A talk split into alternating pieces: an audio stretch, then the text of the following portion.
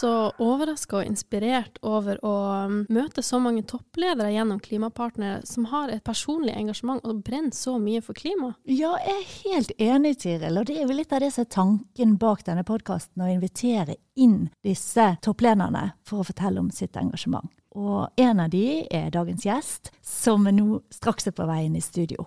Aslak Sverdrup er direktør på Akvariet, men han har vært med i Klimapartnere tidligere også, som direktør for Bergen lufthavn. Dessuten er han styreleder i BIR, som også er en viktig klimapartner for oss. Og han sitter i styringsgruppen i Klimapartnere. Og er ikke han den nye styrelederen i Brann nå? Det stemmer selvfølgelig, Tiril. Så da kan vi glede oss til å få møte en eh, virkelig engasjert leder, som også er villig til å ta ansvar for det han brenner for. Jeg er Renate Nedregård, leder i Klimapartnere Vestland og programleder for denne podkasten. Og jeg er produsent Tiril Amalie Johansen. Og du hører på Operasjon nullutslipp. Velkommen til deg, Aslak Sverdrup. Tusen takk for det. Som leder for både Bergen lufthavn og Akvariet, så har du valgt å bli med i Klimapartnere, i tillegg til at du da også har sagt ja til å sitte i styringsgruppen. Hvorfor er dette engasjementet viktig for deg? Nei, jeg mener at vi har et felles ansvar for framtiden vår. Og da er det viktig å velge de arenaene hvor man kan bidra på forskjellige måter. Og Erfaringa mi med Klimapartnernettverket det begynte jo når jeg var på Flesland, og jeg likte det veldig godt. Jeg synes det var, det var et sted man kunne snakke med stor takhøyde. Det var kjekke folk som kunne mye. Og det, det engasjementet og den måten å gjøre det på, da, hvor man ikke blir skal vi si, tatt i veggs fordi at man kanskje ikke har alt på stell, men heller jobbe med å, å i fellesskap komme fram til bedre løsninger. Både på kalle ekspertnivå i organisasjonen og kanskje på ledernivå, det likte jeg veldig godt. Da jeg engasjerte meg i det den gangen jeg var på Flesland. Og har selvfølgelig også hatt lyst til å gjøre det nå når jeg er på Akvariet. Syns det er et veldig bra måte å samarbeide på, rett og slett. Det setter vi pris på å høre.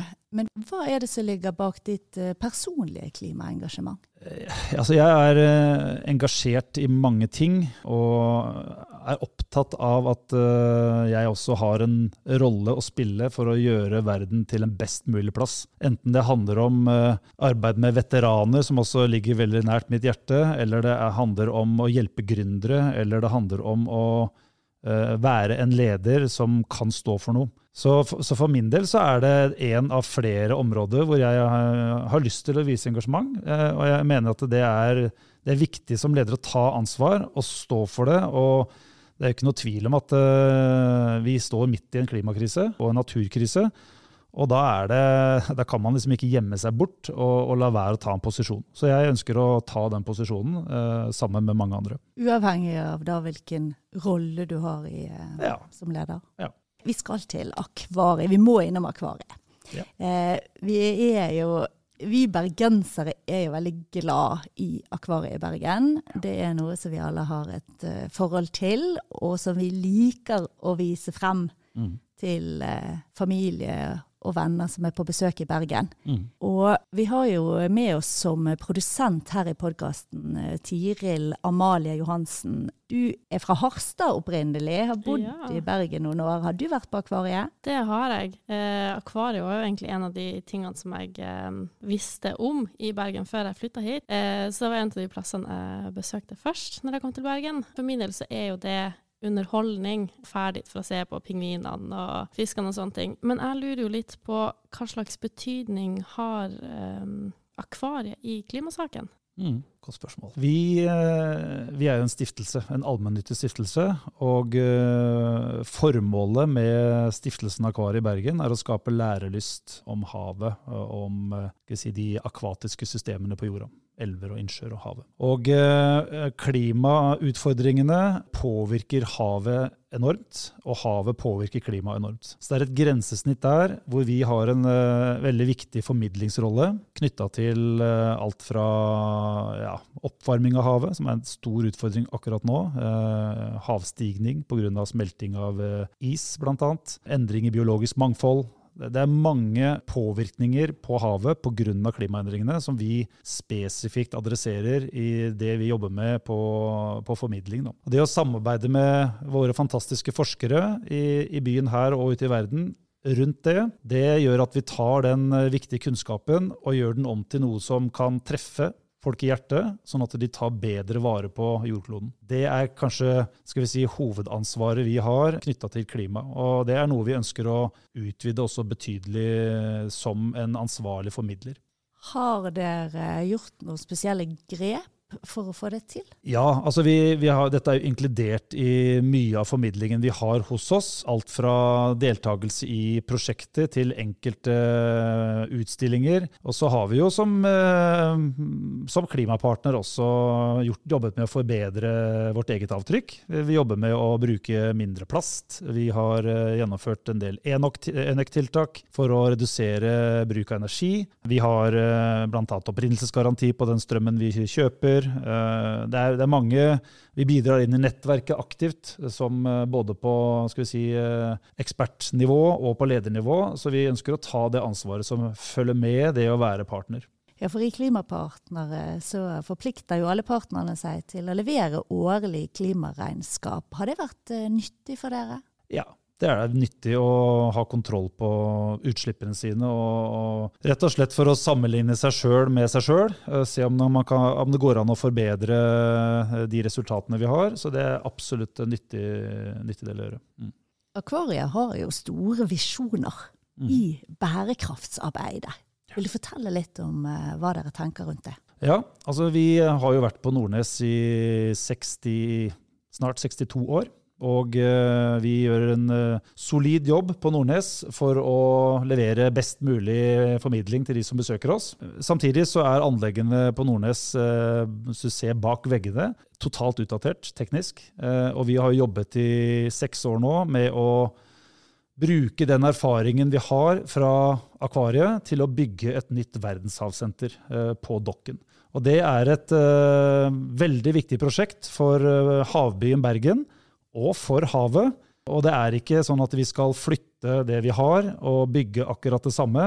Vi skal skape noe helt nytt. Vi skal skape et, eh, en, eh, et samarbeidsarena for eh, næring, forskning, forvaltning, folk i Bergen, som også er en destinasjon i seg sjøl og som ikke er et akvarie, men som er et, et senter for verdenshavene. Dette verdenshavsenteret O, det har vi hørt mye om, ikke bare pga. navnet. Hvordan kan dere bruke dette til å formidle bærekraft? Vi kommer nok til å kunne gjøre det på helt andre måter enn eh, i dag. Helt konkret så har vi jo laget et kompass for oss sjøl i dette prosjektet i, som en del av strategiarbeidet vårt. Der har vi tatt de ypperste av eh, kompetanse her fra byen, og også internasjonalt fra, og sett på hvordan dette prosjektet kan planlegges, gjennomføres og idriftsettes på en best mulig måte for byen og for jorda. Vi har kalt det for et bærekraftskompass, eh, og der har eh, mange deltatt inn. I tillegg til det så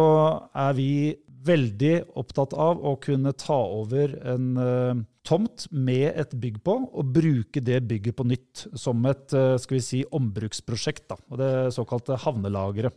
Og Da må jo du hjelpe oss å plassere oss. Uh, hvor i Bergen er det vi er nå? Nå er vi på Dokken. Det er jo et havneområde i dag som strekker seg fra BI og under Puddefjordsbrua og opp til og med Sydneskaia, der hvor Hurtigruta ligger. Og det området skal konverteres til en ny bydel. Det kommer til å være noen havneaktiviteter der fremdeles, men det kommer også til å bli bygget masse boliger. Eh, det kommer til å komme et nytt eh, havforskningsinstitutt og fiskeridirektorat og annen næring. Og det kommer til å komme et verdenshavsenter som vi ønsker skal være på havnelageret.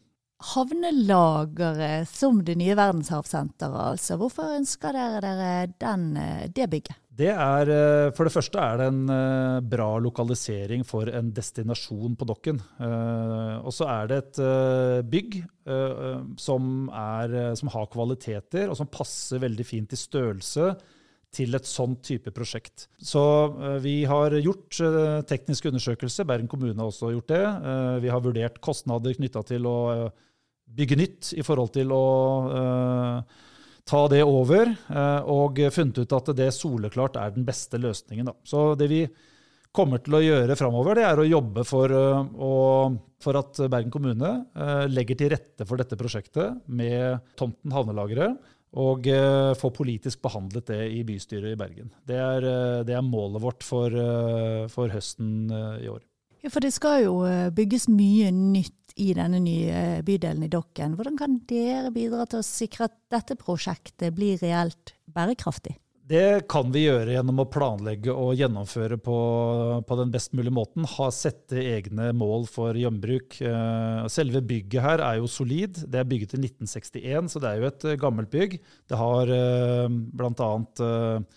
verdi i forhold til krigsminner, men det er også et bygg som passer veldig fint inn til det bruket som vi skal, det vi skal skape. Vi ønsker også å, å ta i bruk andre materialer som, eh, som, er brukt fra før. Vi har snakket om paneler og innhold fra eh, eierløs havplast. Vi, vi har uh, fått utviklet um, en konseptskisse i regi av Snøhetta som uh, tar utgangspunkt i at en del av utearealene på dokken tilgjengelig for alle hele døgnet er bygget av ombrukte deler fra plattformer og skip.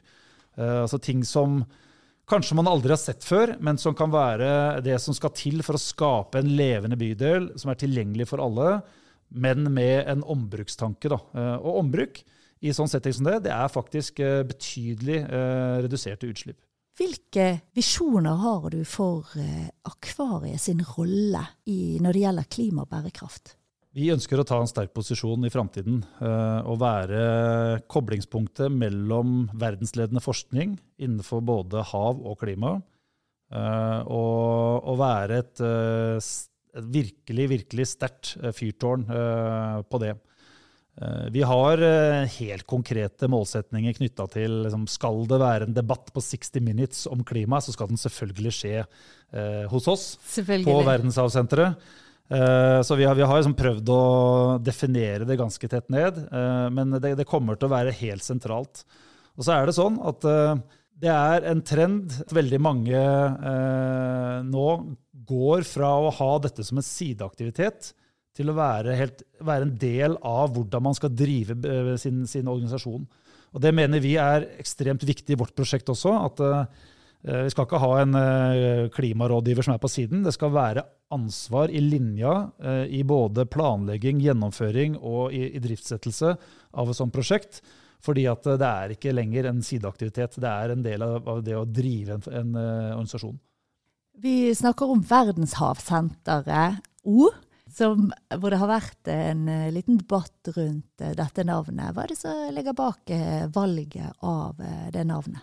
Valget er kommet gjennom en uh, veldig spennende åpen prosess som vi hadde i fjor sommer, med en uh, nasjonal konkurranse uh, hvor det kom inn 3500 forslag, og en nasjonal jury hvor det satt meget kompetente folk. Alt fra havforskere til kunnskapsministeren til mennesker som har utviklet over 100 forskjellige sånne konsepter før.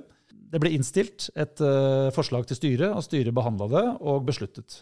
så det er en det er ikke en eh, PR-rådgiverdrevet kampanje i det hele tatt. Det er en meget gjennomtenkt valg, fordi O i dette tilfellet står for oksygen. Og oksygen er det vi trenger for å leve. Og det er også en stor bestanddel i havet, og det er havet som produserer mest oksygen for jordkloden også.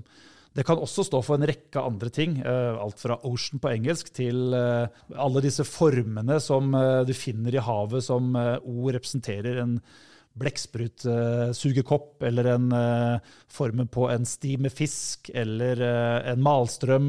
Det er nesten uendelig med sånne former. da. Så vi er veldig tydelige på at det er meget gjennomtenkt. Ja, det er kort, og det er sikkert noen som syns det er vanskelig å ta det med en gang. Men vi uh, syns det er eh, meget eh, bra, og, er, vi gleder oss til å ta det i bruk. Da. Så er det sånn at Akvariet i Bergen ligger på Nordnes. Akvariet i Bergen skal være på Nordnes helt fram til det ikke skal være noe akvarie på Nordnes lenger. For her har det kanskje vært en misforståelse at man har oppfattet det som at akvariet i Bergen skal bytte navn til O? Ja, Det er noen som har uh, trodd det, og, og uh, det stemmer jo ikke. Akvariet i Bergen det, det, skal være der det er. Det er prosjektet som skal bygges på Dokken, som uh, har fått et nytt navn. det er ikke et akvarium vi skal bygge. Vi skal bygge et verdenshavssenter. Ja, vi kommer til å, å flytte våre medarbeidere dit når det er ferdig. Og ja, vi kommer til å bruke en del av erfaringene vi har fra 62 år med solid arbeid men det er veldig viktig at eh, man forstår at vi skal skape noe helt annet. Eh, noe som, er, som kan stå seg i 100 år til.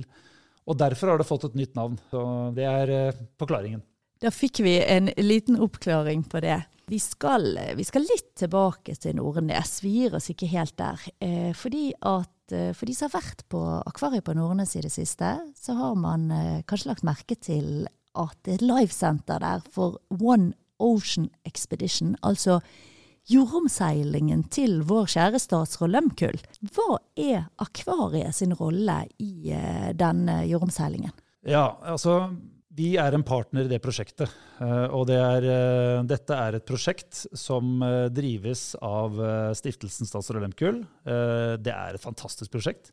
det er et prosjekt som har gått fra en litt sånn crazy idé for noen år tilbake, eh, og som eh, etter hvert har blitt et eh, rett og slett magisk prosjekt med veldig mange partnere. Og statsråden er jo nå i Stillehavet.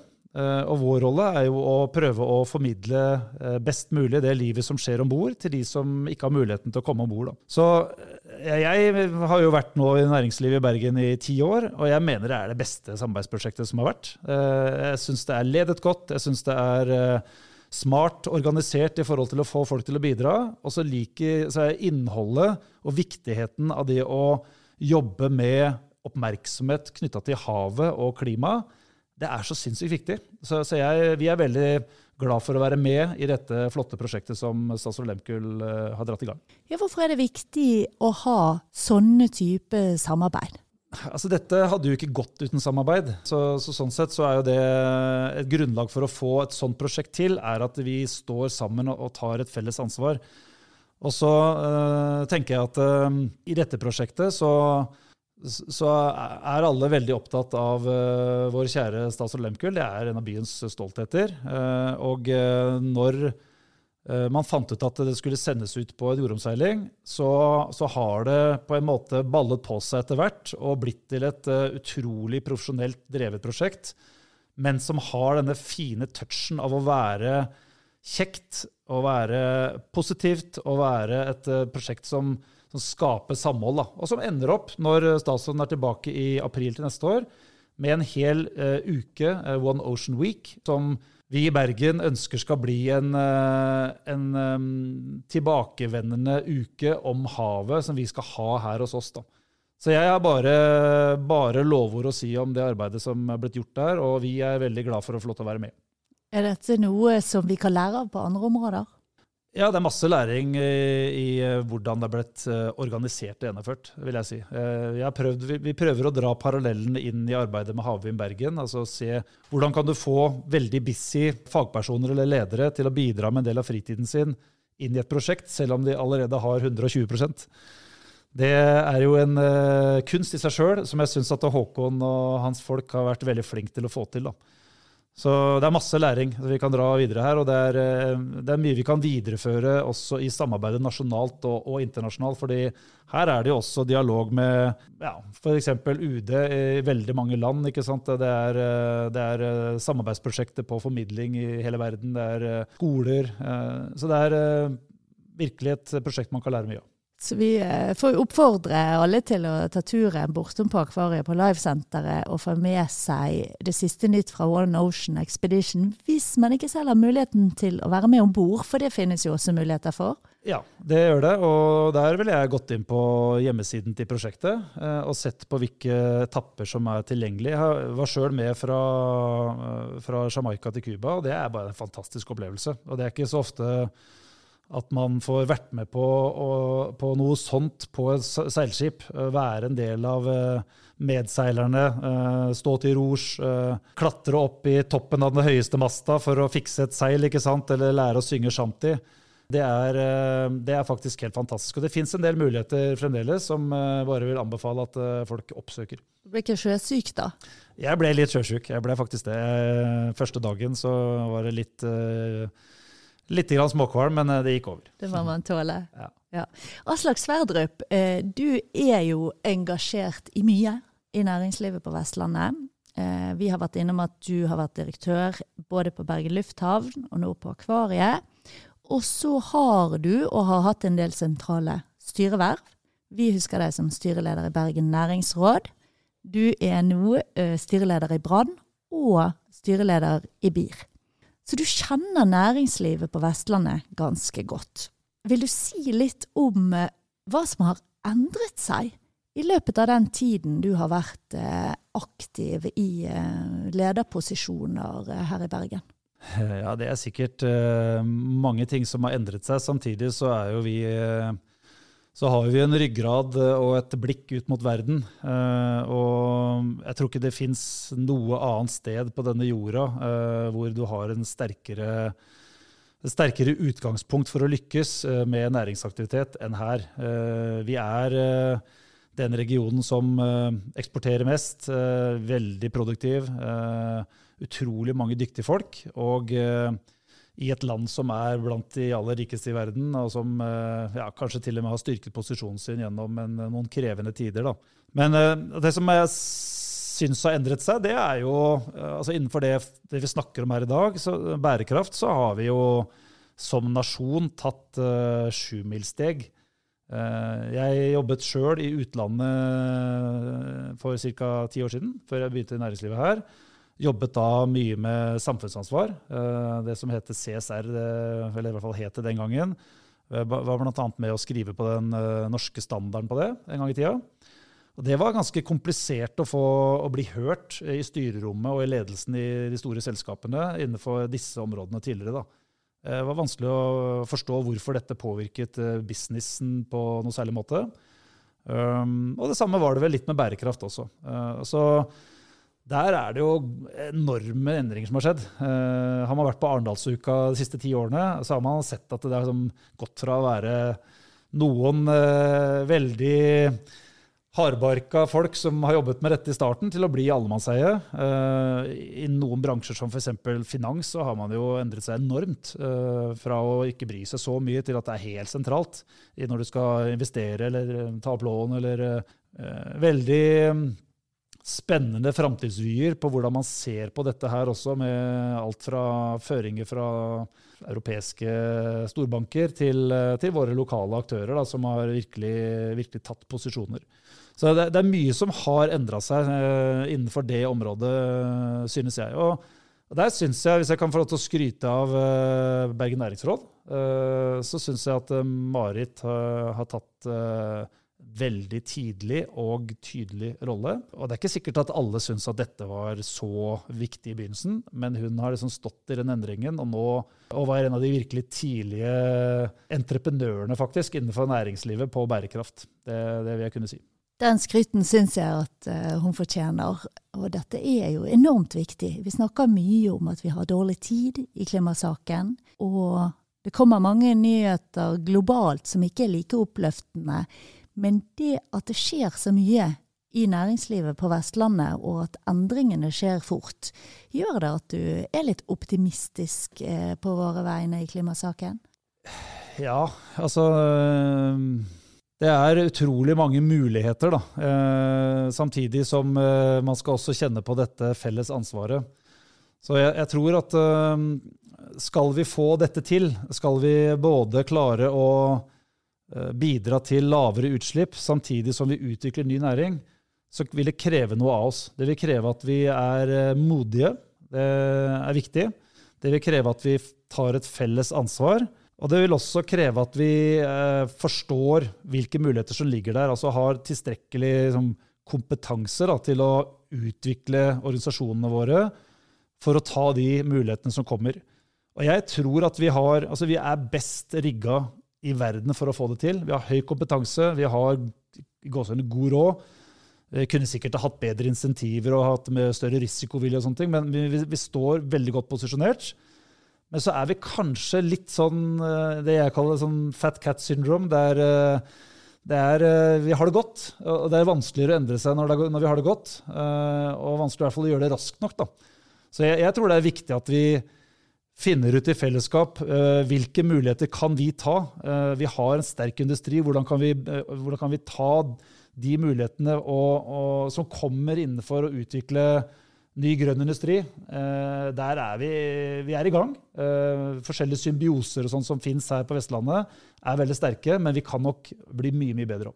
Hva skal til da for at vi klarer å utvise det motet som du etterlyser, og ta det felles ansvaret og forstå hvilke muligheter vi faktisk har. Jeg har ikke noe fasitsvar på hva som skal til, eh, men jeg, tror man kommer langt med å ha en intensjon om å samarbeide eh, ganske bredt. Være kunnskapsbasert i måten man jobber på. Altså det betyr ikke henge seg opp i det som har vært og tro at det funker for alltid, men eh, hele tiden være sulten på å kunne endre organisasjonen sin og se etter nye muligheter. Så jeg har veldig tro på sånne symbioser hvor eh, man kan innenfor et eh, avgrensa område, f.eks. i regionen, da, kunne samarbeide helt konkret om eh, ja, alt fra utvikling av hydrogen til, til å ta industrien til nye, nye områder. Da. Det tror jeg kan være kjempespennende. Aslak Sverdrup, du er en visjonær leder både i eh, planene for dette verdenshavsenteret, i arbeidet du gjør for Akvariet, og i dine verv, eh, ulike styreverv. Har du en utfordring til andre ledere på Vestlandet for at vi skal lykkes i det grønne skiftet? Uh, ja. Um, jeg tror at vi må uh, vi må gå fra å se på bærekraft og fokus på grønn omstilling og de mulighetene som ligger der, til å integrere det inn, inn i alt ledelsesarbeid, alt fra styrerommet via uh, ledergrupper til, til, det som skjer på gulvet i alle organisasjonene. Det kan ikke lenger være en bærekraftsdirektør eller en bærekraftsleder uh, som uh, er ansvarlig for dette. Vi må kjenne på dette fellesskapet da, og, og, og ta det. jeg har sterk tro på ansvarsglede. Eh, det at alle tar det ansvaret og kjenner at eh, de eier det i fellesskap. Eh, og kombinert da med de utrolig viktige si, norske verdiene da, som handler om tillit, så tror jeg at vi kan virkelig ta en posisjon for å bidra inn i det grønne skiftet, og samtidig gjøre det til god business for vår del. Det betyr at det må være noen insentiver tilgjengelig for å få det til. Eh, det er jeg veldig opptatt av, at man legger til rette offentlig også for at dette kan skje. Men det krever en helt annen mindset da, enn det vi kanskje har hatt om at uh, alt vi har gjort før, har vært uh, perfekt. Vi må tenke framover. Dette er jo egenskaper som jeg kan tenke meg en del toppledere vil kjenne seg igjen i. Så her handler det egentlig om å være modige nok.